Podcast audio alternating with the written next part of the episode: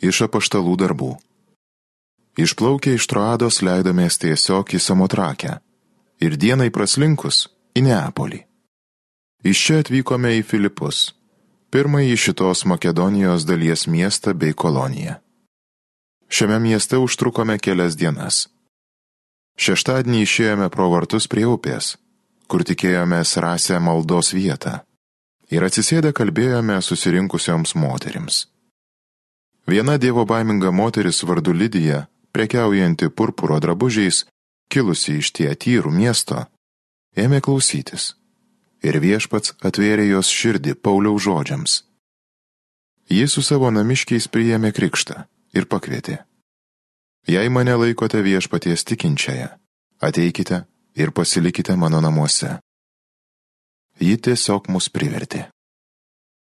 Tai Dievo žodis.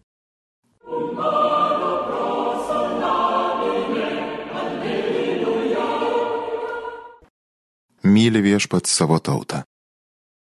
Viešpačiui naują giesmę gėdokit, garbinkit jį susibūrę šventieji. Savo kuriejų Izraelį žavėkis. Džiugaukit Jeruzalės sūnus, turėdami tokį valdovą.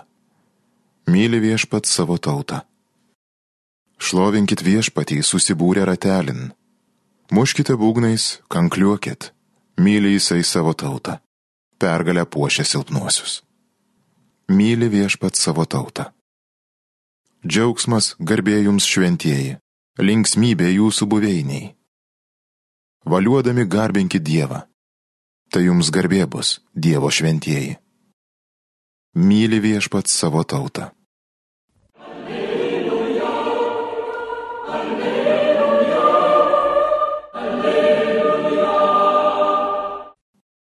Tiesos dvasia liūdis apie mane, sako viešpats. Ir jūs alleluja.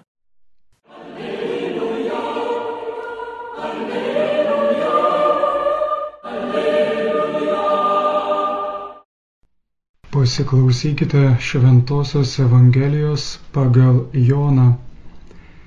Jėzus kalbėjo savo mokiniams, kai ateis globėjas kurį jums atsiųsiu nuo tėvo, tiesos dvasia, kuri eina iš tėvo, jis toliau liūdės apie mane ir jūs liūdysite, nes nuo pradžios su manimi esate buvę. Aš jums tai paskelbiau, kad nepasipiktintumėte. Jie šalins jūs iš sinagogų ir netgi ateis valanda, kada jūsų žudikai tarsis atlieka šventą pareigą Dievui. Jie tai darys, nes nei tėvo, nei manęs nepažįsta. Aš jums visą šitą kalbėjau, kad jūs siautėjimo metui atėjus atsimintumėte, jog buvau jūs įspėjęs. Girdėjote viešpaties žodį.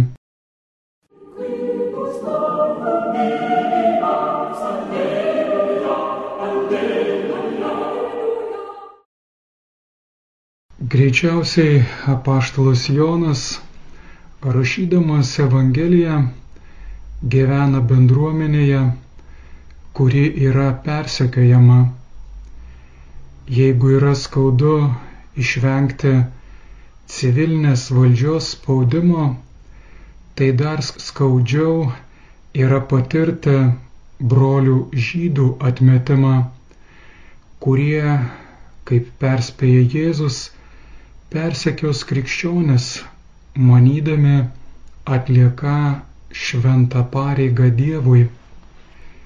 Šį išbandymą pirmoji krikščionių bendruomenė sėkmingai išlaikė, tačiau tragiškiausia yra tai, kad bėgant amžiams, kai Evangelijos dvasia buvo prigesusi, krikščionis savo ruoštu pasidavė pasaulio logikai ir žiaurumui, inkvizicijos, žydų pogromai, kitaip mąstančių niekinimas ir persekiojimas. Jėzus ir istorijos patirtis griežtai įspėja tuos, kurie, keldami ranką prieš brolį, nori garbinti Dievą. Pirmajame Jono laiške sakoma, jei kas sakytų, aš myliu Dievą, o savo brolio nekesto, tasai melagis. Kas nemyli savo brolio, kurį mato, negali mylėti Dievo, kurio nemato. Citatos pabaiga. Taigi jokia prievarta, kad ir kokia būtų motivacija, niekada nėra primtina Dievui. Tikėkime, kad popiežiui Jonui Pauliui II atsiprašius už bažnyčios žmonių padarytas praeities nuodėmes, krikščionių bendruomenė pagaliau suprato savo mokytojo mokymą. To supratingumo gražus pavyzdys šiandien yra popiežius Pranciškus, kuris savo žodžiu ir gyvenimu neša santarvę tarp skirtingų religijų, tautų, žmonių. Todėl visiems, kurie dar neskaitė, rekomenduoju perskaityti jo encikliką Visi esame broliai.